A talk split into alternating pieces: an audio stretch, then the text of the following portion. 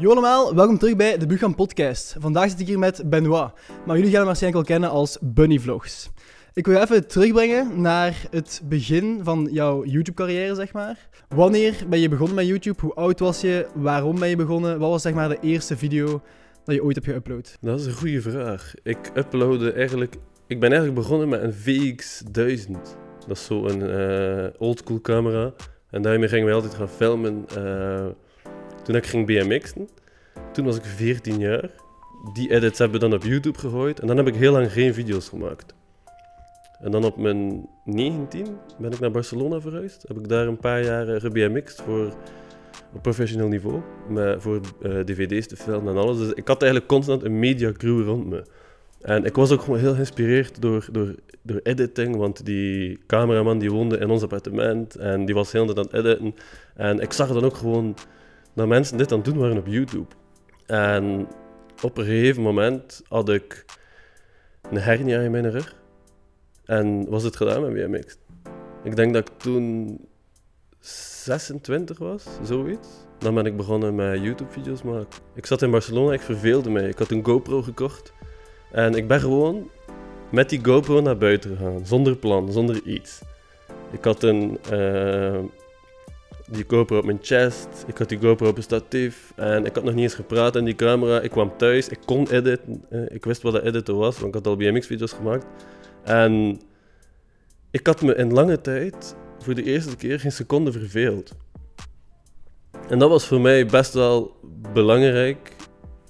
Met dat ik een heel actief leven had voordien. En dan opeens niet meer die clips kon gaan filmen. En ik moest ergens voldoening uithalen. En ik haalde daar ook gewoon een soort van voldoening uit. En ik had fun met dat editen. Eh, ik was s'avonds op het gemak aan het editen. Misschien weet je dat ook. Dat kan echt leuk zijn om een video te editen. Zeker uh, als je die zelf hebt gefilmd. Ja, zeker En weten. Daarna heb ik pas ontdekt dat vlogs eigenlijk bestaan. En dan zag ik zo en zo knol en dit en dat. En dan dacht ik ook zo van oké, als ik dat hier elke dag doe, kan ik misschien wel de 9 to 5 skippen, zeg maar. Hè, rijk worden of whatever, interesseert me niet. Maar dan kan ik gewoon die 9 to 5 skippen. En kan ik daar gewoon, kan ik gewoon fun hebben voor de rest van mijn leven. En nog een van de leukste dingen is, als je een video maakt, ga je jezelf forceren om iets leuks te gaan doen. Ja. En dat klinkt als iets leuks om tegen je zin, maar dat is het niet. Want in dit leven is er zoveel afleiding, zoveel bullshit, zoveel, zoveel rotzooi in het algemeen, dat het wel af en toe keer de moeite is om jezelf een keer goed te forceren om uh, naar buiten te gaan. En ehm, de rest komt vanzelf. Als je naar buiten gaat en je begint daar niet, de rest komt gewoon vanzelf. Ik doe het al van kleins af aan, dat ik gewoon op pad ga, zonder plan. Ik zie waar dat ik uitkom en dat zijn de beste dagen. Ja, klinkt cool man. Dus eigenlijk je motivatie was een beetje zo, um, ja, gewoon van je passie je werk maken een beetje. Dus proberen geld te verdienen van iets wat je eigenlijk echt leuk vindt om te doen en niet ja, moeten werken een beetje. Ja, 100%. Ja, ik, wou, ik, ik ben altijd al op zoek geweest naar, naar veel vrijheid. Ik weet nog dat ik het school uit ben gewandeld en dat ik echt dacht van shit, ik wil echt nooit meer studeren.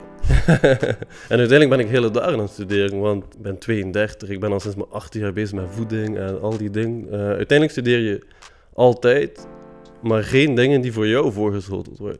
Ja. Gewoon dingen dat jij wil studeren. The school of life. Ja, the school of life. Ja, mooi. En dus je praatte al over um, geld verdienen van YouTube een beetje. Um, weet je nog toen je zeg maar je eerste YouTube geld kreeg, je AdSense, je eerste AdSense? Herinner je nog zo'n moment? Ik weet dat nog uh, zelf, op 1 januari dit jaar kreeg ik zo 13 cent of zo was dat, maar dan dacht je van wauw, ik kan hiermee geld verdienen eindelijk. Ik herinner het me niet precies, maar dat was eigenlijk zo goed als instant. Die drempel lag toen nog iets lager, denk ik. Ik weet het niet precies. Want op een gegeven moment moest je duizend volgers hebben. Ja.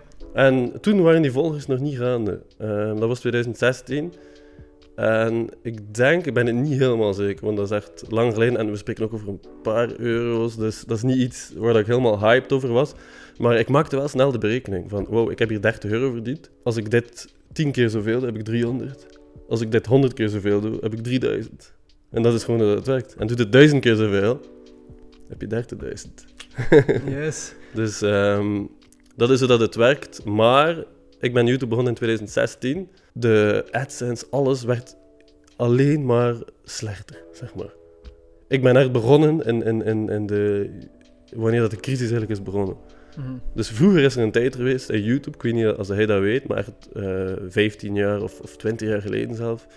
Eh, het begin van YouTube, toen kon je gewoon, toen werd je puur betaald op de views. Dat was gewoon 1 dollar per duizend views dat je kreeg vroeger. Oké, crazy. Dus het maakt niet uit hoe lang de video was of zo. lang? Niks, niks. En dan hebben ze gezien van, oké, er wordt hier misbruik van gemaakt, YouTube wordt trash, we gaan regels maken. Hè? Kijktijd, eh, nu zie je ook gewoon, en Enzo Knol maakt super lange vlogs. Er is gewoon heel veel kijktijd nodig om eh, goed betaald te worden. Zeg maar, business content bijvoorbeeld. De ad, de- ad revenue ligt zoveel hoger. Mhm. Ehm, en elke, elke niche is apart. Want ze vragen altijd aan mij, hoeveel verdien je per duizend views met YouTube? Hangt af van je kanaal, welke niche dat je zit, de tijdsduur van je video. En per video ook. Ah, Per video gewoon alles. Alles. Eh, het, is, het is enorm variërend. Bij mij ligt het tussen de 2 en de 3 euro per duizend views. Wat al best eh, nog goed is, zeg maar. Ja. ja, bij mij is het denk ik ook ongeveer zoiets. Ja, maar bijvoorbeeld puur business ga promoten op je YouTube, dan kan het zijn dat het echt rond de 20, 30 euro ligt. Ja, dat is echt realistisch. Maar er, er komen ook veel, het trekt ook gewoon veel rijkere mensen aan. Dus eh what goes around, comes around. Yep. En is er ook een moment gekomen dat je echt kon leven van je YouTube-geld? Is dat er uiteindelijk gekomen, zeg maar, je droom dat je wou met YouTube? Is dat gelukt? Ja, op een bepaald moment, eh, ik woonde in Gent, ik werkte halftijds in de Albert Heijn. Mijn YouTube ging heel goed. De YouTube money in die tijd was, laten we zeggen, een halftijdse loon.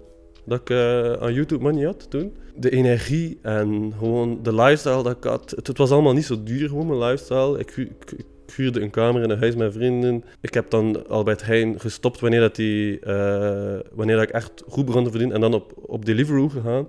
Veel mensen dachten dat ik toen mijn geld puur verdiende met Deliveroo. Maar dat was gewoon zodat ik kon manoeuvreren, zeg maar. Eh, stel je voor, deze maand heb ik een beetje minder. Dan, dan ging ik gewoon een paar eh, dagen grinden. Plus, het concept van Deliveroo vond ik wel cool.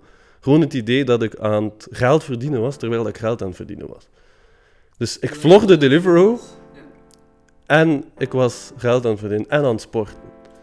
En ik zag de stad en dat was in mij nog gewoon een superpower. Ultieme productiviteit. Ja, dat was voor mij gewoon een superpower. En uiteindelijk heb ik dan uit die kamer gestapt en ben ik in een busje gaan wonen. En toen was het echt makkelijk.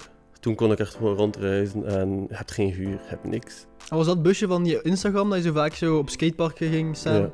Ja, cool. Ja, ik vond dat heel cool eruit zien. Al die kids die daar overal op waren. Dat waren fantastische tijden dat ik daarmee heb gehad. Eh, je mag me al het geld van de wereld geven. Eh, die tijden waren, waren fantastisch. Ik heb zo ook mijn vriendin leren kennen. Het einde van de rit met dat busje heb ik mijn vriendin leren kennen. Zij, zij was hetzelfde aan het doen, ook in haar busje. Nou, we zo meteen over terugkomen. Maar eerst nog even een klein stukje voor YouTube. Yes. Ehm, weet je nog zo, zeg maar, een video dat je zeg maar eh, helemaal viraal is gegaan? Heb je zo eentje gehad? Je eerste, zeg maar, viral... Fietsen op ijs. Hoeveel views heeft hij nu? Iets, iets over de 5 miljoen. Zoiets. Ik denk by far, denk ik zelf, de meest bekeken vlog van België. Ja, dat is gewoon door de titel viral gegaan. En ik denk ook gewoon door de oldschoolness in die video. Die video is echt zo oldschool, droge YouTube. Met echt zo gewoon een, een, een klein cameraatje. Ehm, Geen crazy Mr. Beast edits. niks. Het, het is gewoon super droog. En ik denk dat dat ook veel getriggerd heeft. En elke winter kwam er daar een miljoen views bij. Ik heb dat onderzocht, hè. waarom? Eh, elke winter kwam er daar een miljoen views bij. En dat is gewoon omdat elke winter gaan al die video's viral wanneer dat iedereen door het ijs zakt. En mijn video springt daaruit, fietsen op ijs, want dit is een keer iets anders. En hoe- hoeveel, ehm, als je dat kan zeggen, heb je al verdiend van alleen die video? Ik- Ik had dat ooit een keer gezien, ik denk dat dat 16 of 17.000 euro is, zoiets. Ja, moest elke video, eh, moest elke video zo gegaan zijn, dan eh de berekening kan je, kan je maken. Dat is een paar miljoen, denk ik. Ja, insane. Wat dat eigenlijk gewoon kan. En dat vind ik het leuk aan YouTube, het heeft geen plafond. Nee, dat zie je duidelijk als je die video bekijkt, hè. Ja, crazy. En eh, dan heb ik ook nog één video waar ik over wil praten, die echt heel hard uitspringt voor mij, is ehm, de ACID video in Gent. Allee, de, de video hier. Hier hoek. 100 meter verder eh, gebeurt. Kan je zo vertellen wat er die dag gebeurd is? En... Ja, dat is helemaal uit de hand gelopen. Dus ik had gedaan met werken in Albert Heijn. Ryan Unaris, voor de mensen die hem niet kennen, hè, dat was een YouTuber waar dat ik ook altijd video's mee heb gemaakt. Die stond mij op te wachten aan Albert Heijn, omdat we gingen overnachten in een verlaten bowling. Die ondertussen nu al is afgebroken, denk ik, maar we gingen daar overnachten. En super toevallig kwamen we Nathan Aces daartegen. En die was zo'n beetje, die had zo'n beetje gedronken en die was zo, zo'n beetje, ja, die, die was zo'n beetje losjes. En er kwamen daar dan een paar gasten voor een foto vragen. Nathan had toen iets gezegd tegen die gasten dat hun triggerde. En opeens deden ze gewoon stoer. En dan zei Nathan van, jullie staan hier voor een foto. Eh, ik maak hier een grapje en nu doen jullie stoer. Ehm, uiteindelijk zijn die mannetjes die neef daar gaan bijhalen. Eh. Ze begonnen daar heel stoer te doen. Wij zijn dan weggewandeld, die bleven ons achtervolgen. Uiteindelijk zijn we dan in een straatje beland aan het water. Ja. En daar begonnen ze echt stoer te doen, want daar was er geen politie, geen camera, niks. En dan kwam de bekende clip van jou, toch? Dan kwam de bekende clip van mij, waar dan veel mensen denken dat ik op dat moment de grootste me-move heb gedaan. En ben weggereden. Uit schrik of whatever. Maar dat is totaal geen waar, want ik zag het gewoon gebeuren. Ryan had echt net een nieuwe camera. eh, een machine van bijna 3000 euro. Ehm Nathan was ook, ik weet niet hoe bang. Die ene, die mannen, gingen, die mannen gingen gewoon kloppen. En die gingen met camera's en alles in het water belanden. Ik zag dit gewoon gebeuren. En ik had zoiets van, oké, ik moet die afleiden. Ik houd mijn camera laag. En dan de legendarische eh, eh, uitspraak, ik heb alles gefilmd. En ga nu naar de politie. Ja. Want dat was het enige dat mij opkwam. Ik had zoiets van, als ik zeg filmen en politie, die mannen gaan achter mij lopen. En ik, en ik wou dat die mannen achter mij liepen. Wat dat er ook gebeurde, ik wist achter de hoek zijn er toch camera's en whatever. Ik ga zelf niet beginnen vechten, want ik wil liefst gewoon elk gevecht, zeg maar, vermijden. Ik heb nog maar twee keer gevochten in mijn leven. Ik ben er geen fan van. En ik ga niet, zeker niet, het liet net minder jaren. en Ik ga echt geen risico's nemen of whatever en daar eh, beginnen vechten. Eh, als het echt, moest er echt iets ontstaan, ging ik er wel tussen gekomen zijn, want ik, ik was al een stuk groter dan, dan die gasten. Maar nee, ik wou die mannen gewoon afleiden. Ik heb die mannen achter mij laten lopen, die zijn nog heel dicht gekomen. En eh, uiteindelijk waren die dan vrij. En dan hebben we alles uitgebracht op een pleintje. En dat kan je ook later in die video zien. Dat ik dan ook nog een keer goed die jongens die les spel. Dat was echt een zotte dag. We hebben die overnachting uitgesteld. Een- een crazy video ook. De drie grootste YouTubers die tijd van België, van Vlaanderen. En dan allemaal samen en zo'n crazy iets meegemaakt. Ja, ja, niet de drie grootste. Ik was totaal niet bij de drie grootste. De drie grootste waren toen Ryan, Nata en Casper. Ehm, maar dus, er was bij YouTube, het plan was een beetje financiële vrijheid. Ehm, was er daar een groter plan achter van, dan wil ik het bereiken of zo, of ik wil die soort sponsors of zo'n soort dingen? Want nu zien mensen YouTube vaak al als een business, omdat dat ook iets meer zo gepromoot wordt. Maar vroeger was in jouw tijd, zeker 2016, was dat totaal nog niet het geval, denk ik. Ehm, dacht je toen echt al van, ik zie dit als een soort business? Of dacht je eerder van, ik ga het een beetje voor fun doen en hopelijk geld krijgen ervan? Dat was 99% voor de, voor de fun. Maar voor mij, ik vond het al hard dat ik niet fulltime moest gaan werken. En dat ik gewoon een halftijds job kon doen. Dat was voor mij al vrijheid. Ehm, want het is en blijft eh, een ding. Ehm, ik vind het nice om af en toe gewoon te werken. En aan iets te werken, want dan kweek je voor jezelf gewoon een goede routine. En de mensen dan, het concept van passief inkomen, ik moet niks doen en enkel YouTube doen. Je ziet ook heel veel mensen eh, dan daar niet, niet gelukkig voor worden. Zeg maar. En dat zie je veel bij die game-YouTubers en noem maar op. Dat is voor mij gewoon een vergiftigd geschenk. Stel je voor dat je game-YouTuber bent en je verdient zakken met geld door gewoon in je kamer jezelf op te sluiten en hele dag in te gamen. Dit is echt een vergiftigd geschenk. Die jongens, binnen tien jaar ga je die jongens zien en eh, die, zijn, die zijn bleek, die zijn slap, die, die, daar heb je niks aan. Eh, het is leuk om gewoon ehm, nog altijd een sociaal leven en ehm, een beetje te grinden. En het concept dat ik dan zo lang heb kunnen reizen ook gewoon. Ik denk dat ik van mijn 20 tot mijn 30 alle, alles in totaal nog geen twee jaar heb gewerkt. Dus ik heb altijd alles gekocht eh, wat ik wou. Gezond, biologisch eten, noem maar op. Eh, dure kleren heb ik toch niet. eh, die kreeg ik ook meestal van van, van, van, van alles.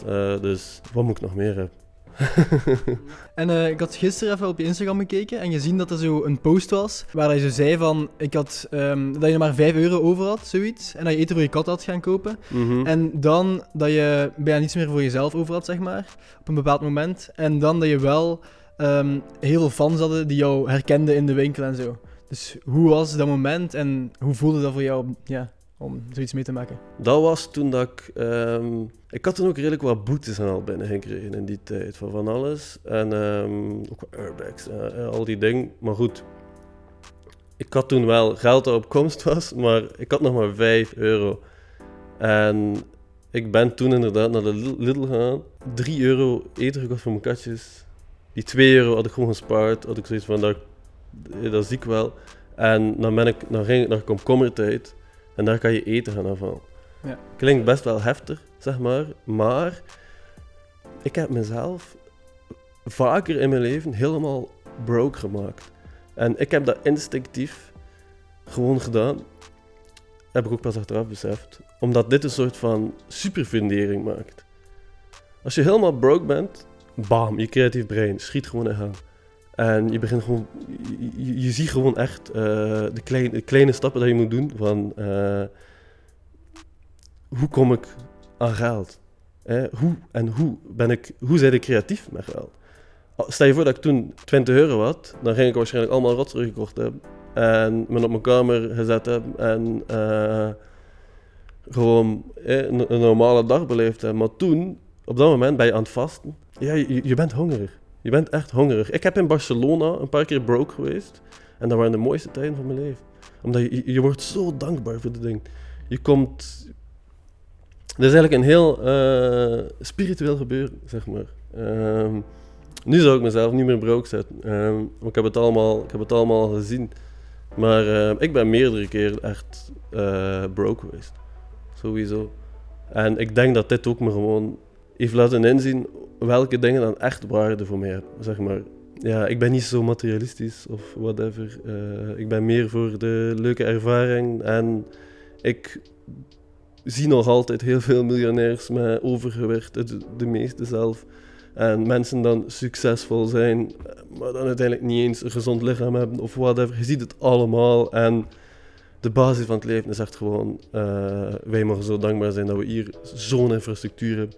Dat we de toegang hebben tot biologisch eten, terwijl eigenlijk 99% ervoor kiest om in een mooiere auto te rijden dan biologisch te eten. Dat is eigenlijk gewoon crazy. En die gedachtegang heb je niet als je meerdere keren broke bent geweest en ook een beetje onderzoek hebt gedaan. Ja, het verbaast me wel echt hoe dat jij zo, zeg maar, alles, alles, alles wat normale mensen als een tegenslag zouden zien, zeg maar, zo, ja, broke worden of zoiets, dat jij er altijd zo een positieve draai aan geeft en altijd zo iets beter van maakt, dat je zegt dat je er iets uit leert of zo. Hoe heb je dan, zeg maar, eh, die mindset ontwikkeld, denk je, door een bepaalde gewoonte te volgen of door iets te doen? Heb je, zeg maar, ja, hoe heb je die mindset kunnen ontwikkelen van zo heel positief in het leven? Dat is allemaal begonnen in Barcelona. Ehm, ik, ben een, ik, ben een, ik ben een periode betaald geweest als BMX'er, een topsportstatuut. Ehm, nooit door brands of whatever, dat is gewoon puur topsportstatuut. Maar ehm ervoor niet. En ik heb zelf geïnvesteerd om ehm, naar Barcelona te gaan, zeg maar. Ik, heb daarvoor, ik had daarvoor gewerkt. Dan heb je de keus. Ofwel leef je met 100 euro per dag, twee maand. Ofwel leef je met 10 euro per dag, 20 maand. En ik heb gewoon 20 maanden ge- gezeten met 10 euro per dag. En wat is het leukste? De eerste twee maanden is leven met die 100 euro per maand waarschijnlijk het leukst. Maar als je twee jaar zoveel vrijheid hebt gehad met 10 euro per dag, dan weet je wel eh, wat de echte vrijheid is, zeg maar. En als je, als je je kosten ook gewoon zo laag mogelijk houdt, ga je altijd het meeste vrijheid beleven, whatever dat je doet. En dat zie je bij de allergrootste investeerders ook terugkomen. Je wordt niet rijk door, ehm, door veel geld uit te geven. Want dan heb je ten eerste al de mindset niet om rijk te worden. Dat is gewoon zo. Mijn vader komt uit een superarm gezin en die heeft ook gewoon alles opgebouwd. eh, van nul. Door, eh, door hard te werken en de juiste investering te doen. Dus ehm, alles, alles kan. En ik heb ook geen enkele lening. Niks. Dus heel veel mensen denken van wow, broke, wow, broke. Sommige mensen hebben een huis gekocht. Hebben 300.000 euro in lening. Oké, dat gaan ze wel afbetalen. Maar wie zegt dat de wet niet gaat veranderen en hoe en wat? Wie zegt dat de stroom niet nog duurder gaat worden? Wie zegt dat ze dat gaan kunnen afbetalen? Ik heb jongens dan mij zaten uit te lachen. Toen ik ehm, met weinig geld aan het leven was. Die, hebben nu, die zijn nu terug ingetrokken bij hun ouders. Omdat ze de stroom niet meer kunnen betalen. In combinatie met hun lening. Want die stroom is vertiendubbeld.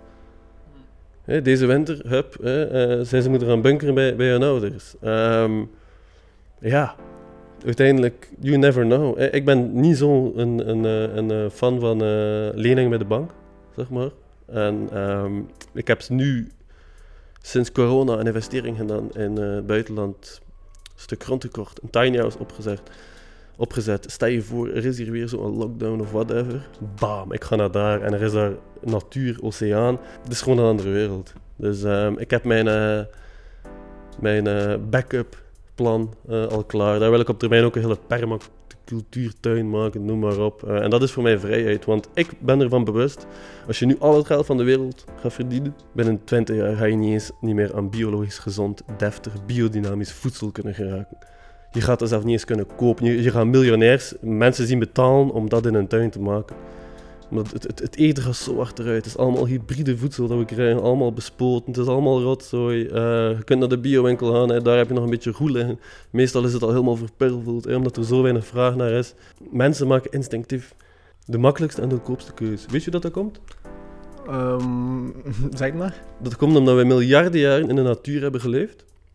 En stel je voor, wij zijn twee Neandertalers. We hebben drie weken niet gegeten en we zien daar eh, iets aan te eten. Wat gaan we doen? Gaan we dit delen? Denk je echt dat we dit gaan delen? Nee, dit is de wet van de sterkste, de wet van de natuur. Wij gaan daarom strijden. Dus mensen, hebben, mensen gaan gewoon dit pakken, snel opeten.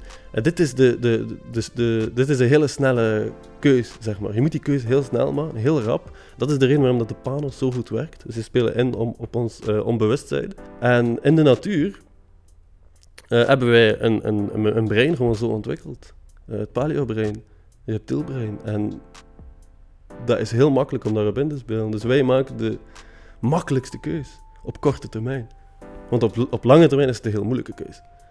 Ja, natuurlijk. Je moet jezelf heel tegenhouden om het niet te doen. En je moet mentaal sterk zijn en al. Yep. En hetzelfde brein is ook heel alert voor uh, gevaar.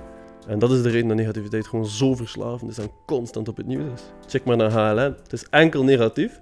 En als je positief nieuws wilt, moet je ervoor betalen. En dat is het gevoel van verzadiging. Het nieuws is ook zo opgebouwd. Eerst negativiteit en dan positief. En dat is heel verslavend, omdat je dan eerst negatieve, negatieve energie krijgt en dan positief. Oh. Ja. Het is heel verslavend. Dus je positieve mindset komt vooral uit ervaringen, zeg je. Zijn er toevallig ook boeken of zo dat je hebt gelezen daar rond, dat jou hebben geholpen daarmee om die mindset te ontwikkelen, was echt gewoon puur ervaring? Het beste boek dat ik iedereen aanraad. En ik heb hem in twee versies. Uh, ik heb een kleintje voor het vliegtuig. Waarom? Omdat een boek... Een boek is eigenlijk... Veel mensen lezen boeken en doen er niks mee. Maar je kan beter één boek in je leven doen en er echt iets mee doen, zeg maar. Ik zeg niet dat je maar één boek in je leven moet lezen en er iets mee moet doen, maar als je een boek leest, doe er echt iets mee. Ja. De boek dat mij echt heeft veranderd, is De Kracht van het Nu. The Power of Now. Mm, van Eckhart Tolle. Exact. Dat is een Duitser. Ja, die, die, die, die gewoon, dat is gewoon zo'n goed boek. En eigenlijk, de beste boeken zijn eigenlijk gewoon dingen dat je eigenlijk al weet, dat je leest en dat je gewoon nog een keer laten herinneren. Ja. Want mens, mensen zijn naar zo gekke dingen op zoek de dag van vandaag, terwijl het leven is zo simpel. Als je gezond wil zijn, drink water, eet groentjes en fruit. Hoe biologischer, hoe beter. En that's it. Ja, Want mensen willen het ene magische pilletje, dit en dat. Uh, terwijl eerst de basis. Daarna kan je misschien een superfood nemen om het aan te vullen. Maar de eh, fundering moet er zijn. En um, je bent dus heel duidelijk bezig met zo gezonde voeding en gezonde lifestyle. Maar natuurlijk ben je ook bezig met sociale media. En daar natuurlijk is er soms een beetje ook een negatieve kant aan van de numbers. Je wil natuurlijk uh, dat, alles omhoog gaat, dat je niet per se um, dat, je niet, dat je niet relevantie verliest of zo van die zaken.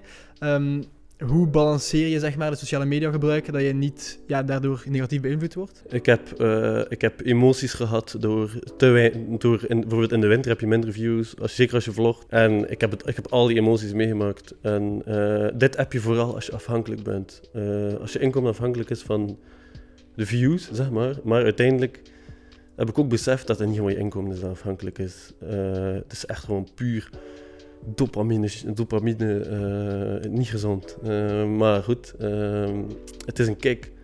En het is heel verslavend. Views zijn enorm verslavend. En je wilt dan meer en meer en meer. En het stopt niet. Hoeveel volgers heb je in de laatste twee weken bij gehad?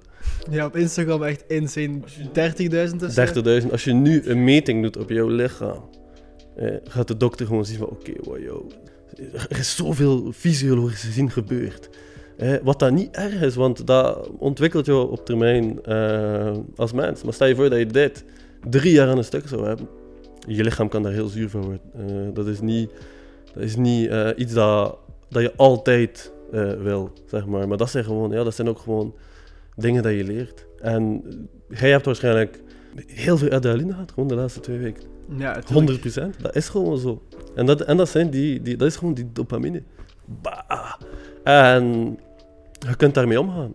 Je kunt daar goed mee omgaan, je kunt daar slecht mee omgaan. Je kunt daar eh, energie uithalen en dan kan je ook leeg zijn. En die keuze is aan jou. Ik zie dat je er energie uithaalt en dat je gewoon uh, op die gaspedaal gaat doen en alleen maar verder gaat. Dus dit is gewoon goed. Ik ben. Uh, dit ga je nog voelen als, als, je ooit, als het ooit is. Stel je voor, hebt binnen twee, weken, binnen twee jaar 300.000 views. En opeens zijn, zijn je likes 800. Dat gaat niet op één keer gebeuren, maar uh, iedereen wordt uh, ouder en minder relevant en noem maar op. op termijn, alles kan gebeuren. Zeg maar. Stel dat het zoiets gebeurt, dan uh, ga je eerst bij die dropping, ga je echt, je, gaat, je gaat dat gewoon voelen. Dit is, dit is gewoon niet chill, zeg maar. Ik heb dit meegemaakt, like met corona eigenlijk ook mijn, je kunt dat zien in de statistieken, zijn mijn views en mijn relevantie enorm gedropt. Omdat ik ook uh, een beetje een grote mond had en dit en dat. En gewoon mijn, mijn eigen mening uh, rond heel dat gebeuren had. En ik stik mijn mening niet weg. En het is waar, als influencer moet je eigenlijk, mag je, moet je eigenlijk zonder mening door het leven gaan. Waarom is dat? Omdat mensen video's kijken en zichzelf daarin herkennen. En als hij een uitgesproken mening hebt, dan word je de mensen die zich daarin herkennen en dan opeens veel kleiner. En uh, ik ben op nieuws geweest, ook omdat ik was gaan surfen tijdens corona, al die dingen. Um, ze hebben daar een beetje, het was een beetje uit de context getrokken ook. Ze hebben een beetje overdreven. Achteraf gezien uh, had ik gelijk. Ik, stond, ik, stond, ik heb nog in de krant gestaan met uh, YouTuber schendt de corona-maatregelen. de oplossing is erger dan het probleem laten we eerlijk zijn, nu zijn we een paar jaar later. Was de oplossing erger dan het probleem? In mijn ogen wel. Uh, uh, er zijn nog altijd mensen die geloven van niet, maar in mijn ogen uh, denk ik wel. ik zag dit ook gewoon gebeuren, aangezien dat ik echt bewust ben van het concept naar buiten gaan.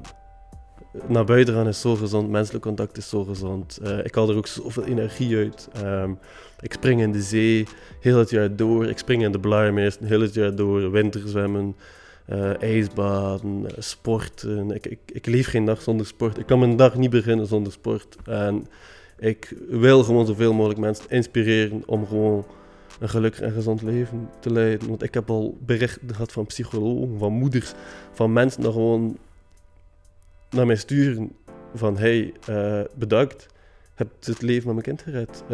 Een psycholoog naar mij stuurt en zei van hey, er was een jongetje waar we totaal niks, geen weg meer mee kon. We enkel zwarte sneeuw. En hij is naar jouw video's beginnen kijken en hij ziet het licht terug. Dit zijn de dingen waarvoor dat ik het doe. Het is niet... Uh, en dat heb ik ook pas in de weg van YouTube ontdekt. Gewoon van wow, dit is huge. Wat voor een impact dat dat heeft. Op, op een gegeven moment vergeet je al het geld dat je meer hebt verdiend, of al, al het uh, andere succes, of whatever, dit is gewoon van zo'n grote waarde, dat dat voor mij onbetaalbaar. Sommige dingen zijn gewoon onbetaalbaar. En bijvoorbeeld, uh, ik weet niet, ik heb nog um, kendama's verkocht. Um, ik, ik zal het uh, op beeld smijten. Ja, ik ja. heb ooit nog kendama's verkocht en ik speelde dat zelf. Er was daar vraag naar. Ik heb een webshop ge, uh, gestart. Op een gegeven moment was ik pakketjes aan, aan, aan het versturen. Uh, ik heb dat dan uiteindelijk naar die leverancier in Nederland gebeld en zeg van, yo, uh, ik wil dat beginnen dropshippen. Uh, zo heb ik heel die business ook gewoon gehad. Dat was een, ik had een hype gecreëerd op mijn eigen YouTube-kanaal. Met iets dat eigenlijk niet zo bekend was. In Japan is dat wel heel bekend. En er kwamen gewoon moeders naar mij en zeiden, hey Benoit, bedankt. dat was vooral op de zomertour. Um, op de Bunny Vlogs zomertour. Dat was een event dat ik ook zelf heb gedaan, waar ik gewoon met mijn bus een maand lang elke dag van skatepark naar skatepark ben gegaan. Eh, en alle fans hebben mij zo kunnen ontmoeten. Gratis fan meetings elke dag. Eh, dat, dat, dat, waren fantastische tijden. Um, heel goede content. En heb je toen ook in die tijd alles zelf gevlogd en geëdit? Alles zelf gevlogd en geëdit. En ik had een generator. dus ik stek die generator aan. Ik zat gewoon op een campingtafel. Eh, mijn vlog gewoon te editen in de donker. Dus je hebt al een paar keer vermeld dat je mensen wilt inspireren en zo. Heb je zo raad voor mensen die willen starten met YouTube of gewoon met een beter leven voor zichzelf te creëren eigenlijk? Eh, dat ze zeg maar snel kunnen toepassen. Gewoon doen. Je gaat niet al denkend weten wat dat je wil. Je gaat pas als je iets probeert weten wat je wilt. Gewoon starten. Ja, en je, je, begint gewoon letterlijk af te vinken eh, wat dat je wel wilt en wat dat je niet wilt. En YouTube kan je toch niet van de eerste keer perfect doen. Zeker niet organic, dat bestaat niet. Eh, je, je, je moet daarin komen. Ik keek altijd naar Casey Neistat en dat vond ik een leuke manier vlog- van vloggen. Omdat, omdat je dan echt nog zo die b-rolls neemt en al die dingen. Voor mij is het ook een vorm van therapie. Eh, je, je, je komt uit je comfortzone als je aan het vloggen bent. Hij maakt nu ook al een tijdje YouTube-video's. Ja, al bijna twee jaar nu. Zonder dat je dat beseft, is eigenlijk gewoon heel, heel goed voor je, omdat je uit je comfortzone komt. En op gelijk welke manier uit je comfortzone komt, is gewoon goed. Ja, ik heb ook dit jaar een week lang elke dag gevlogd. En ehm, dan had ik ook inderdaad het, wat je zei in het begin van... eh, dan moet je elke dag iets cools doen, zodat je ja, voor, de weer, voor de viewers dat je iets hebt waar ze naar willen kijken. Dat je niet gewoon in je kamer zit. Ehm, en dan voelt inderdaad super om zo ja, naar buiten te komen, met mensen te willen afspreken en iets cools te gaan doen samen of zo. Dus ja, ik vind het ook inderdaad heel nice. En ehm, heel veel mensen zeggen me, vragen mij ook zo van, ja, ik wil een merk starten, maar ik weet niet hoe of ehm, ik wil het perfect hebben van de eerste keer. En dat is mijn raad ook altijd van, start gewoon. En uiteindelijk kan je wel verbeteren over tijd en doorzetten en die soort dingen. Dus ook een beetje dezelfde raad die jij hebt. Hè. Gewoon start zo snel mogelijk en je ziet wel. 100%. Tegenwoordig is, is de, de drempel is heel laag. Eh, je, kan, je kan eigenlijk bijna alles doen. Heb, heb je gsm, kan je YouTube-video's maken. Heb je eh, 100 euro op de bankrekening, kan je kledingsmerk starten. Kunt, het is zo makkelijk als het maar kan zijn. Je moet het gewoon doen. Viral gaan op TikTok. Eh, als ik hier in Gent elke dag met mijn fiets in het water rijd, in Gent. De honderdste video ben ik viral. De tiende video kan ik viral zijn. Er komt een punt dat je viral gaat. Het, het is gewoon een recept. Het is goed, maar je moet natuurlijk wel weten hoe of wat. Want waarschijnlijk wil je niet voor de rest van je leven met je fiets in het water rijden. Dus je moet iets doen dat je ook voor de rest van je leven wil doen. En dat is een vlog wel de perfecte format eigenlijk, omdat je kan zoveel kanten ermee uit en je moet niet iemand anders zijn daarvoor of extra cool zijn of misschien iets socialer, maar... Ja, je kiest ook wat dat je wil filmen, zeg maar. Ehm, dus kan je zeg maar je, zo, zo je top drie gewoontes geven of zo, waar dat je heel veel aan gehad hebt of eh, dat je nu doet nog steeds? Wim Hof breathing. Gewoon, 's morgens gewoon bewegen. Wat dat je ook doet, gewoon bewegen. Ik heb, eh, ik, ik, ik, ik pas mij ook aan op hoe dat je je voelt. Als je bijvoorbeeld helemaal stijf bent of whatever, moet je niet ook elke dag die, die... Je moet ook gewoon een beetje je lichaam voelen. Eh, ik vind persoonlijk Wim Hof breathing heel nice voor het slapen gaan. Dat is geen ochtendritueel, maar die kan je ook s s'morgens doen. Een koude douche. Is ook gewoon heel goed voor je...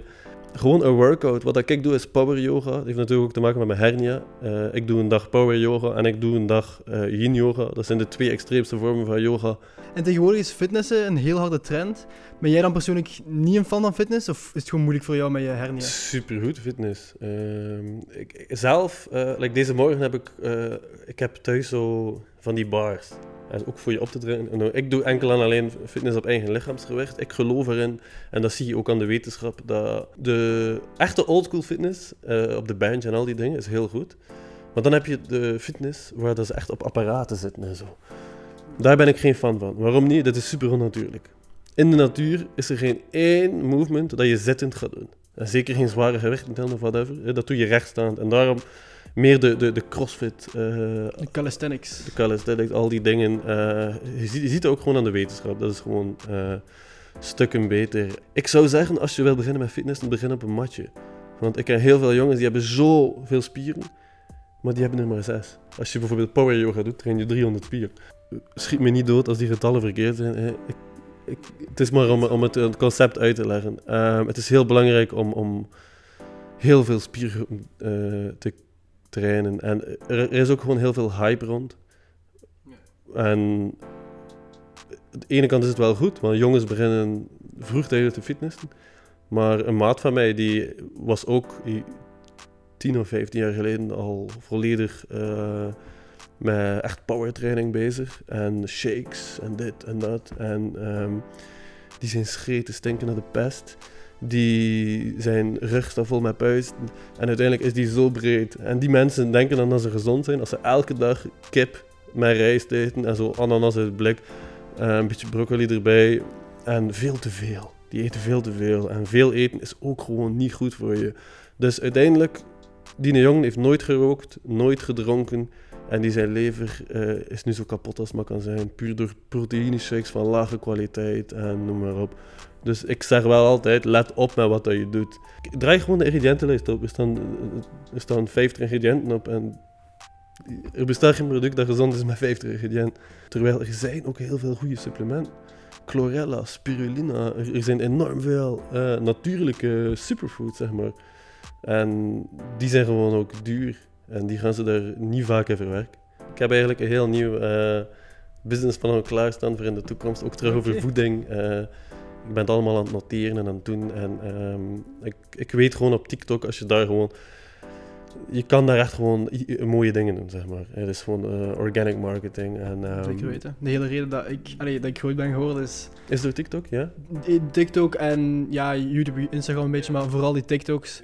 Gewoon organic marketing, organic viral gaan, mensen die doorstromen naar andere platformen. Mhm, voilà. Ehm, dus ehm, ik heb wel een visie om ook een keer het juiste supplement of de juiste superfoods of whatever eh, ook een keer aan de mensen. ehm, om het ook een keer te tonen aan de mensen hoe of wat. Je vlogs waren vroeger zo iets meer speels en ehm, gaan skaten en met vrienden dingen gaan doen, een beetje fun maken eigenlijk. Mhm. Is je doel dan ook een beetje om nu je YouTube-kanaal iets meer te gebruiken om mensen te educaten, zeg maar, rond gezonde voeding en een goe- goede gezonde lifestyle en... Zo is het eigenlijk begonnen, hè? Want mijn, mijn YouTube-kanaal oorspronkelijk was Vegan BMX. En, en als je mijn allereerste video's ziet, dan kan je dat nog zien aan de intro. Ik, was, ik ben lang vegan geweest. Hè.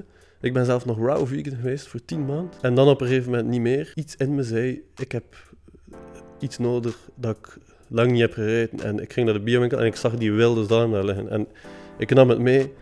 Ik bakte het thuis, ik had het op. Ik, ik, ik was, ik, ik, ik was genezen. Dus ehm, een klein beetje vlees werkt voor mij. YouTube is echt wel een beetje long format, zeg maar. Ja, zeker. En ik zie daar nu echt een opportuniteit in nu voor dat op short format te doen.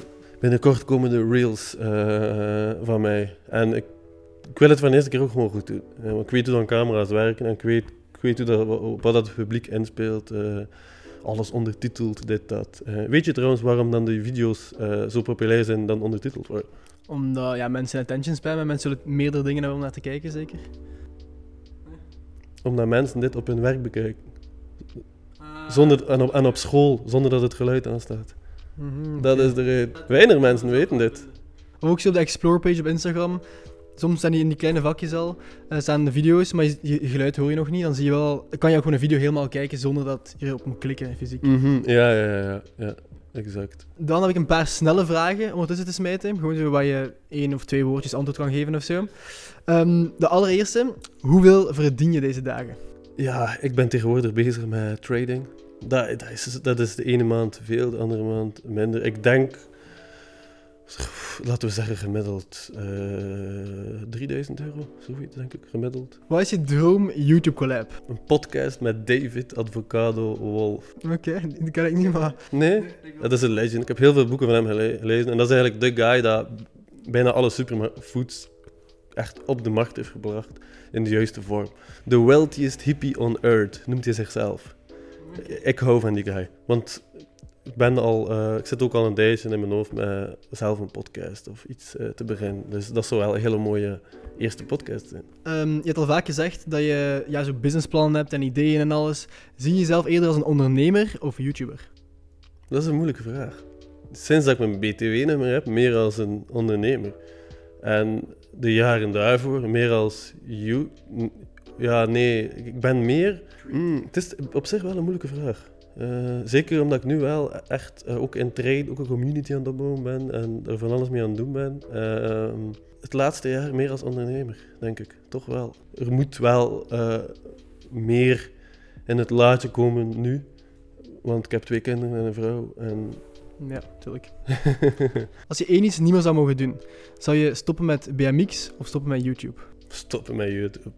Ik BMX sinds mijn twee jaar. Ehm, maar ja, dat zijn van die vragen. eh, dat je toch nooit gaat moeten doen. Dus, eh. Ehm, dan moet ik het even over hebben over privacy.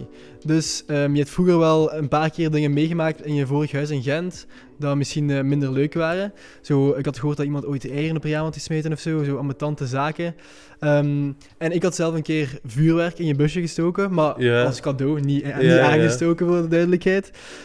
Hoe kijk je daar deze dagen naar? Ben je... Ik heb daar een trauma aan overgehouden. Gewoon een trauma. En ik wist ook eerst niet wat een trauma's waren. En eh, ik heb daar een 100% trauma aan overgehouden. Waar dat ik niet eens... Ik voel mezelf niet zielig voor een trauma of zo. Want er zijn mensen met veel ergere trauma's. En nu weet ik ook een keer wat dat, is. En nu heb ik ook de kans om eh, daarmee om te gaan, zeg maar. Dat is een hele mooie leerschool, zeg maar. Dat is hoe dat ik dat bekijk. Als, je een win, als je een lose kan omzetten in een win, dan word je echt kampioen in je leven. En dat is gewoon zo. Eh, ik heb ooit eh, gehad dat ze in mijn busje, eh, tijdens dat ik aan het slapen was, met een steen mijn ruit zijn komen inbeuken. Dat is het heftigste dat ik heb meegemaakt. Ehm, ik heb nog achter die guy gelopen. Ik ben die avond naar het politiebureau gegaan. Ze, ze stonden daar zelf half uit te leggen naar het politiebureau. Ik weet nog goed, de weken daarna, er viel gewoon een, een kastanje of zo op mijn buis. Ik schoot wakker. Oh shit, echt. Woef, echt met, met heel soort angst. Ik weet ondertussen wie dan zijn, hoe, wat. eh, eh, die schaamden waarschijnlijk rot, die zijn momenteel ook volwassen. Dus ja, ik heb nog altijd geen excuses gehad. Dus als je die podcast ziet, het me. Kom je gewoon excuseren. Wees gewoon man. Anders ga je vrouw je toch later uitlachen als ze dit eh, op latere leeftijd te weten gaat komen. En ze gaat het te weten komen. De wereld werkt gewoon zo heel Gent, weet het. En dan zijn er ook ooit eens gasten met een brandblusapparaat. Die hadden in de briefbus gestoken. En die hebben dat afgevuurd. En wij zaten daar toen met zes BMX'ers voor tv, BMX-filmpjes te kijken.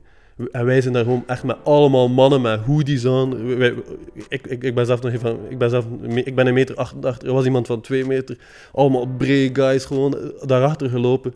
En eh, vrienden van mij eh, hebben die gasten gewoon, eh, in een, ja, die zijn gewoon in een doodlopend straatje eh, gewandeld en die hebben de klappen van hun leven gehad.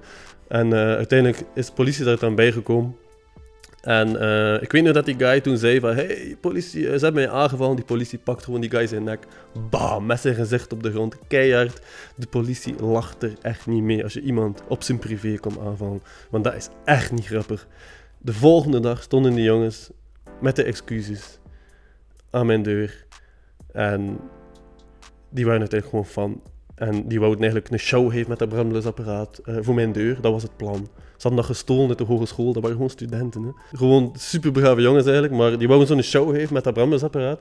Maar de gelegenheid, het feit dat ze die briefbus opeens zagen, dachten ze van, hé, we gaan een stapje verder gaan. En zo hebben ze dat dan gedaan. En uiteindelijk zijn ze gepakt. En ze hebben hen er komen excuseren. En we hebben zelf nog een foto gemaakt. En ik ben die mannen ooit nog een keer tegengekomen in een frituur. En die zaten daar toen met meisjes. hè, En je zag direct van, oké, die, die mannen hebben uiteindelijk alleen maar nadelen daaruit, op het einde van de rit. Maar je schaam je rot. eh, en als je mij dan nog een keer tegenkomt eh, op, het- verkeerde moment, dan maak je van de karma mee. En eh, die zag die mannen, die werden rood.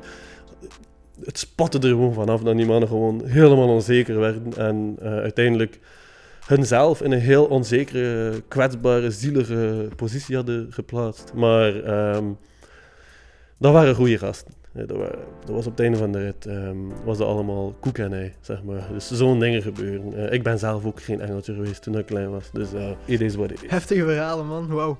Ehm, en je hebt net zo al de tegenslagen een beetje verteld van fame te hebben Ja, eigenlijk. maar dat is ook het enige, wat ik nu heb verteld, is het enige dat gebeurd is. De goede verhalen zijn oneindig. Dagelijks stonden kinderen met naked juice en met, met van alle dingen, alle producten dat ik graag had, potten pindakaas en al- ze stonden met van alles aan mijn deur, gewoon gift. Heerlijk. Heb, heb je nog zo'n herinnering van zo'n ja, een toffe encounter met een fan? Ja, iemand dat ooit eh, een skateboard aan mij had gegeven. Dat vond ik eh, heel, heel nice. En ook gewoon een guy uit Gent. En je ziet vaak, eh, er is veel graffiti van hem. En die stuurde mij altijd zo graffiti dingen op, maar echt heel mooi afgewerkt. Zo de gra- graffiti style, maar zo een beetje kunstwerk op papier, op dikker papier, 3D. Hij deed van alles. Ik weet de benamingen niet van die, van die art. Maar, en dan op de zomertour in Gent kwam hij gewoon. Ik was die daar ook. Dat was gewoon een jongetje van, van, van, van tien jaar. Dat ik echt zoiets van, wow, is dit echt een van de zotste graffiti-artiesten van Gent? En dat vond ik zo cool. Dat vond ik zo cool. Eh, ik, weet, ik weet zijn naam niet meer. ehm, maar ja, dat is insane. Ik heb alle fanmails nog altijd. Ik zag dat hij ook laatst die eerste Ja. fanart had Ja, onlangs mijn eerste fanart, deze hier. Die is echt, ja, echt super tof. Die, die kwam dan bij de meetup en die zei, ja, ik heb iets gemaakt voor jou. Dat is ook, ja, fantastisch om te zien. En ook gewoon mijn intro. Mijn intro van mijn video's van vroeger. eh, ik weet niet of je die kent. Eh, nee, uh, ga hem wel kennen. Zo. Tu, tu, du, du, du. En dat is, dat is gemaakt door ook iemand gelijk jij, ook een jonge ondernemer. En ik denk dat hij nu ook redelijk succesvol is. Eh, Face Guy. Ja, ja, ja, die heeft nu zijn eigen skatebrand. Die heeft zijn Ja, eigen ja. skatebrand. Die heeft nog mijn intro. En die, die heeft ook nog aan, aan, op Bytes als klein jongetje gestaan met fanart. Dan wil ik even praten over, ehm, je hebt heel veel gereisd de afgelopen jaren. Je zei tussen je 20 en 30 maar twee jaar gewerkt en voor de rest bijna gereisd zeker? Ja, het valt eigenlijk mee. Ik heb meer gewoon op... Ja, ik heb wel veel gereisd voor een paar BMX-wedstrijden en zo. Maar ik heb, ik heb gewoon zes jaar in Barcelona gewoond. Dus is Barcelona ook de beste bestemming die je hebt gehad doorheen alle jaren? Ik, ik denk dat ik toen 17 was. We waren daar voor een week naartoe gegaan. Ik en Alex, een maat uit Knokke. Ehm, ik ben in Knokke opgegroeid. Ehm, en wij waren daar als enige BMX'ers. En we moesten altijd ver reizen in België om andere BMX'ers tegen te komen. Hè, en echt in de scene eh, te belanden, zeg maar. En daar kwamen we gewoon... Dat was één en al BMX. Er waren daar gewoon... oh, 50 locals op één plein. Iedereen zat daar en werd er BMX. De vibe was heerlijk. En dat was echt zo van, wow. Dit is thuiskomen. Want in Knokke bekijkt iedereen je zo raar. En daar was het gewoon de normaalste zaak van de wereld. En Barcelona is een stad waar dat alles kan. Maar nu woon je niet in Barcelona, maar eerder dichter bij Port in Lissabon. Eh, dichter bij Lissabon in Portugal, toch? Ja, ja dat is ook gewoon een heel verhaal dat daar eh, aan eh, vasthangt. Ik was sowieso op zoek naar iets waar ik kan surfen en kan BMX'en. En ik en mijn vriendin zijn gewoon beginnen reizen. En we kwamen bij Ericeira. En Ericeira is zo'n beetje de surfmekka van Europa. En daar heb je gewoon een Quicksilver skatepark met zonsondergang. Eh, een beetje verder heb je dan nog een mega groot skatepark. We zitten op een half uur van Lissabon. En daar is heel veel natuur. Heel veel natuur. Het is er allemaal nog zo eh, rauw, zeg maar. Momenteel is er niks niet meer te koop. Want wij hebben drie jaar geleden een stuk grond gekocht. En momenteel eh, zijn de prijzen daar... eh, ja, een, een appartement dat daar te huur was voor 800 euro, is dat nu 3.000, 4.000 euro. Zo hard is het gestegen in drie jaar. En dan komt er al die digital nomads van Scandinavië. Die betalen gigantische bedragen om in die vibes te leven. Dus dat, en ook omdat er daar belastingsvoordelen zijn, right? Goh, nee, zelfs, zelfs dat niet. In, in crypto is er daar wel wat belastingsvoordeel. Eh, in crypto kan je daar eigenlijk, eh, als je daar een, een jaartje woont, eh, of tien maanden, dan kan je daar eigenlijk belastingsvrij crypto uitcashen. Daardoor zitten er ook heel veel crypto guys in Portugal. De echte reden is gewoon voor de good life. The dream. Ja, dit, is echt gewoon de dream in Ericeira. Het is, het is ongelooflijk. De infrastructuur is top. Ehm, er, is daar bijna geen criminaliteit. Eh, mensen betalen echt gewoon voor wat ze krijgen. En daar krijg je echt gewoon de dream. En het is een beetje een bijeenkomst van heel veel mensen met een beetje een creatieve mindset.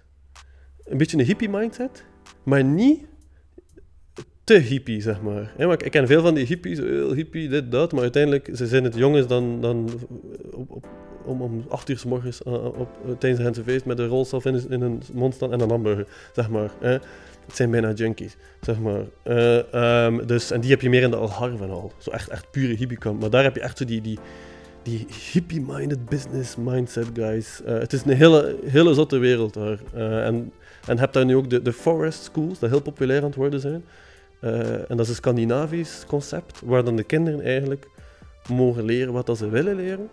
En waar dat het meeste ook wordt geleerd in de natuur. En het is gewoon wetenschappelijk bewezen dat je meer in de natuur leert. En dat je buiten beter kan leren. Oké, okay, dus dat is, dat is waarschijnlijk waar je je kinderen later... Ja, dat is waar dat we uh, onze kinderen wel uh, graag naar school zouden willen doen. En dus uh, je stuk grond als, zoals je kan horen, een goede investment. Omdat je, ja, het is allemaal in de lucht geschoten, die prijzen. En je hebt er net ook gezegd dat je ook investeert uh, in Forex. Dus zo, um, ja, kan je even uitleggen wat dat is? ik kijken? investeer niet in Forex, ik trade gewoon. Oh, ja. En ik trade gewoon uh, via een propfirm. Ik weet niet of je dat kent. Nee. Daar zou je ook niet in een video moeten over maken. Want dat is eigenlijk een businessmodel waar heel weinig mensen over weten dat dit eigenlijk gewoon bestaat. Het concept traden is dat je eigenlijk gewoon uh, een positie opent en een positie sluit met winst of verlies op de valutamarkt. Mm, zo simpel als maar kan zijn. Uh, ik trade uh, veel op goud, euro, dollar, uh, euro, GPI, pond, pond, dollar en pond GPI en voor de rest trade ik niks. Dus dat zijn de valuta's dat ik trade. Een prop firm is eigenlijk een account met geld van een bedrijf waar je mee trade. Mm, Ja, ik ken, het concept toch wel. Voilà. Dus dat is waar dat ik mee trade. Eh, dus je moet eerst een, een test doen en dan krijg je geld van een bedrijf. Dat bedrijf krijgt 20%, hij mag 80% van de winst houden. Maar eh, het is niet realistisch om, op je, om, om, op, om als beginnende trader eh, een, een portfolio te hebben van 100.000 euro. Maar met een firm is dat wel realistisch. Want dat kost jou 500 euro voor met 100.000 euro te traden. Je betaalt eigenlijk om geld te lenen van het bedrijf. Ja, zoiets. Je kunt er nog dieper op ingaan. Maar eh, het komt erop neer dat je met kleine percentages te traden je risico enorm verlaagt. En de realiteit van traden is dat je eigenlijk een, een professional trader trade ongeveer tussen de 3 en de 6 procent per maand gemiddeld. Wat dat insane resultaten zijn. Want als je dat op een portfolio van een miljoen doet, eh, is, dat, is dat groot geld. Maar eh, ve- veel blauwe cijfertjes en van alles dat je gaat zien op social media is pure marketing. Dus het is een heel, heel, heel eh, moeilijke wereld. Er zijn heel veel scams, er is heel veel bullshit. En hoe komt het dan dat je daarmee juist begonnen bent en niet zo met iets anders? Ik ken iemand dat daar, dat, dat doet. En daar gewoon ook veel vrijheid mee heeft kunnen behalen. En het is locatie onafhankelijk. Ik, vind het, ik ben het op termijn interessant beginnen vinden. Maar ik heb ook ontdekt, als je met iets goed geld kan verdienen, begin je het, kun, kan je het automatisch interessanter beginnen vinden. Zeg maar. maar puur op, puur op investeren, het enige dat ik heb geïnvesteerd is mijn stuk grond in Portugal. En eh, dat was een, in mijn ogen een heel slimme set, want ik heb dat gekocht. En in Portugal, in de zone waar wij zitten, wordt elk jaar eigenlijk de bouwgrondgrens uitgebreid. En wij, wij gewoon op de grens gewoon een stuk grond gekocht. Dus wij zijn gewoon de volgende aan de beurt. En momenteel, wij hebben dat in crisis gekocht, dus mensen wouden daarvan af, zeg maar, dus voor redelijk laag. En ik heb een deel duinengebied en een deel landbouwgrond. Dus ik heb een deel duinengebied en landbouwgrond. Wat mogen wij daar wel op zetten? Verplaatsbare huizen. En in theorie, als, als het geen fundering heeft, kunnen geen verplaatsbaar huis zetten. Dus wij kunnen daar een huis van 120 vierkante meter zetten in hout. Met alles erop en eraan, dat eigenlijk gewoon een deftig huis is. En dat is eigenlijk een soort lifehack in Portugal. In België mag dat niet, in Portugal mag dat wel. Nu hebben we daar gewoon een tiny house gezet en eh, hebben we daar een vakantiehuisje. De kans is er dat we dit op termijn gaan uitbreiden en dat we vast gaan wonen. Eh, de kans is ook dat we dat als vakantiehuis gaan houden. Die keuzes hebben we nog niet gemaakt. En je woont dus in Portugal. Ehm, is je vrouw dan ook van Portugal? Nee, die is van Nederland. Oké. Mijn vriendin komt uit Haarlem. En wij zijn elkaar tegengekomen in Bilbao. Wij stonden op, op een rots met onze bus. En zij was ook al een paar jaar aan het reizen in haar busje. En er brak een hele zotte storm uit op dat moment. Eh, we hadden daar al kennis gemaakt. Hè. ehm, maar dan brak er een hele zotte storm uit na een paar. En ehm, iedereen ging weg. Al die vanlifers, al die mensen in een busje gingen allemaal weg. En in Bilbao zijn er echt duizenden plekken waar je kan gaan staan. Oneindig veel. Wij zijn op dezelfde spot terecht te komen zonder iets te sturen of whatever. En zo heeft eigenlijk eh, het universum ons eh, bij elkaar gebracht. Ik, ik geloof wel in de holy flow. Ik geloof erin als je echt je intuïtie volgt, dat, dat al het juiste naar jou eh, toekomt. Zeg maar. Ja, cool. Echt like in films zijn eigenlijk een beetje. Hè? Zo. Elkaar ontmoeten op een cliff in... eh, Ja, In eigenlijk wel, ja, eigenlijk wel. Alright. En nu heb je al twee kinderen, zeker? Hè? Nu heb ik twee kinderen. Ja, En ehm, hoe is het eigenlijk om ja, vader geworden te zijn? ja supergoed.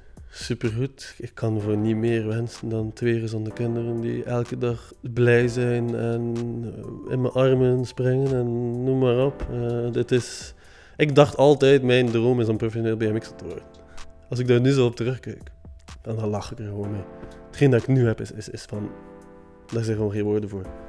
Dat is eh, het meest fantastische dat je maar kan overkomen. Dat is gewoon, gewoon een leuk gezinnetje hebt met alles erop en eraan. En wij hebben de eerste... Ja, wij hebben echt gewoon hoofdzakelijk al gereisd, ook met de kinderen. En ik geloof er ook in dat het heel belangrijk is voor... Allee, ik geloof er niet in, ben er 100% zeker. Dat het heel goed is voor kinderen om op zo'n jonge leeftijd al wat van de wereld te zien. En eh, zo die prikkel zo wel wat te ervaren, zeg maar. Ik denk dat dat ook wel veel doet met kinderen, zeg maar. Ja, ik heb ze- zelf als kind ook echt heel vaak gereisd met mijn ouders. En en ik heb ook zo- zoveel leuke herinneringen aan. Terwijl veel mensen ehm, die waar ik vroeger mee in het lager zat, waren ze van, heb je, ken je die tv-serie niet? Allee, je hebt geen jeugd gehad, weet je wel, de typische, wat iedereen altijd zegt. Ehm, maar ik heb zoveel andere dingen gedaan dan tv gekeken. Dus... Mhm. En dan eh, heb jij nog vragen voor mij? Of iets dat je wilt meegeven voor eh, de audience of zo? Ja, shout-out sowieso naar de Boegaan-familie. Eh, ik zie dat jullie... ja, je ziet de energie gewoon van... eh, is het Elia? Elijah. Ja. Elijah. Ik, ik had op mijn vlog in de intro gezegd Elias of Elia, maar het is Elijah. Ja. Ah, dat is op zich wel een coole naam. Ja, je ziet dat de energie gewoon juist zit. Eh, het is gewoon allemaal... eh, ik, vind, ik vind het heel vet wat hij doet, sowieso. Je doet het met passie, je doet het met, met liefde, alles erop en eraan. Ik heb een vraag voor je. Op welk vlak eet hij ook gewoon bijvoorbeeld gezond? Dat je zegt van, van, van ik- je, ziet, je, ziet er, je hebt gewoon een goede energie. Ja, je bent gezond, je bent ook nog vitaal, je bent nog jong. Maar ik veronderstel dat je niet drie keer per week gaat feesten, eh, een pak sigaretten rook per dag of whatever. Je ziet eruit dat je een gezonde leefstijl hebt. In hoeverre mate eh zijn je daarmee bezig? Dus de laatste tijd echt wel heel veel eigenlijk. Alleen mijn vader is eh, sowieso biolandbouwer. Dus Oké, er zijn ook altijd ja, verse groenten op mijn bord. Dus ik moet er eigenlijk niet eens over nadenken. Dat is super handig natuurlijk. Ehm, en dan, ehm, wat ja, qua feesten betreft, vroeger ging ik nog wel af en toe eens een keer eh, gaan feesten natuurlijk. Maar nu doe ik dat eigenlijk al, ja, al heel lang niet meer. Allee, soms als er iets te celebraten is, zoals een pop-up store in Antwerpen een, eh, een tijdje geleden, dan natuurlijk wel. Dan moet ik ja, een keer iets speciaal. Maar niet zo standaard elk weekend.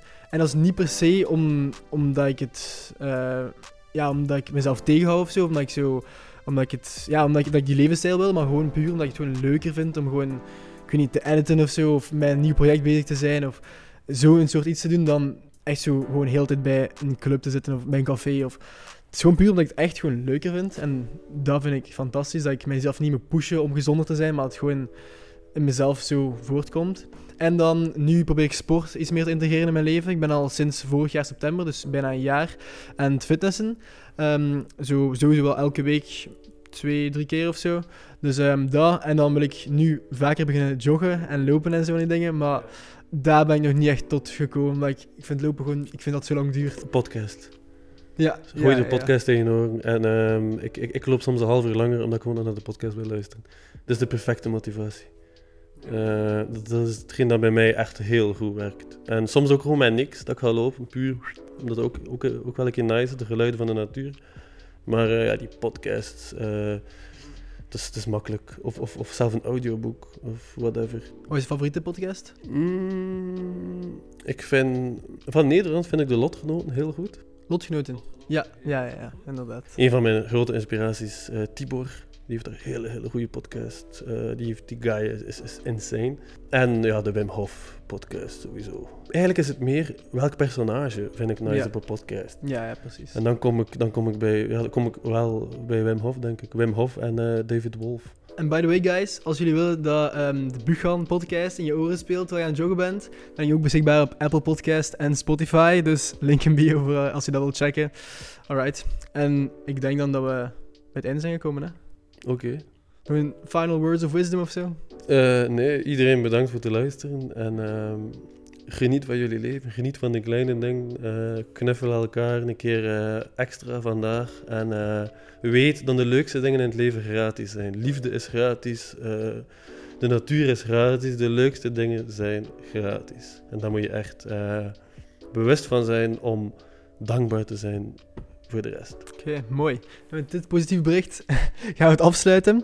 Eh, subscribe zeker allemaal op Bunny Vlogs. Link staat hier allemaal onder. Subscribe ook aan mij, alsjeblieft. En dan zie ik jullie de volgende keer, guys. Bye bye.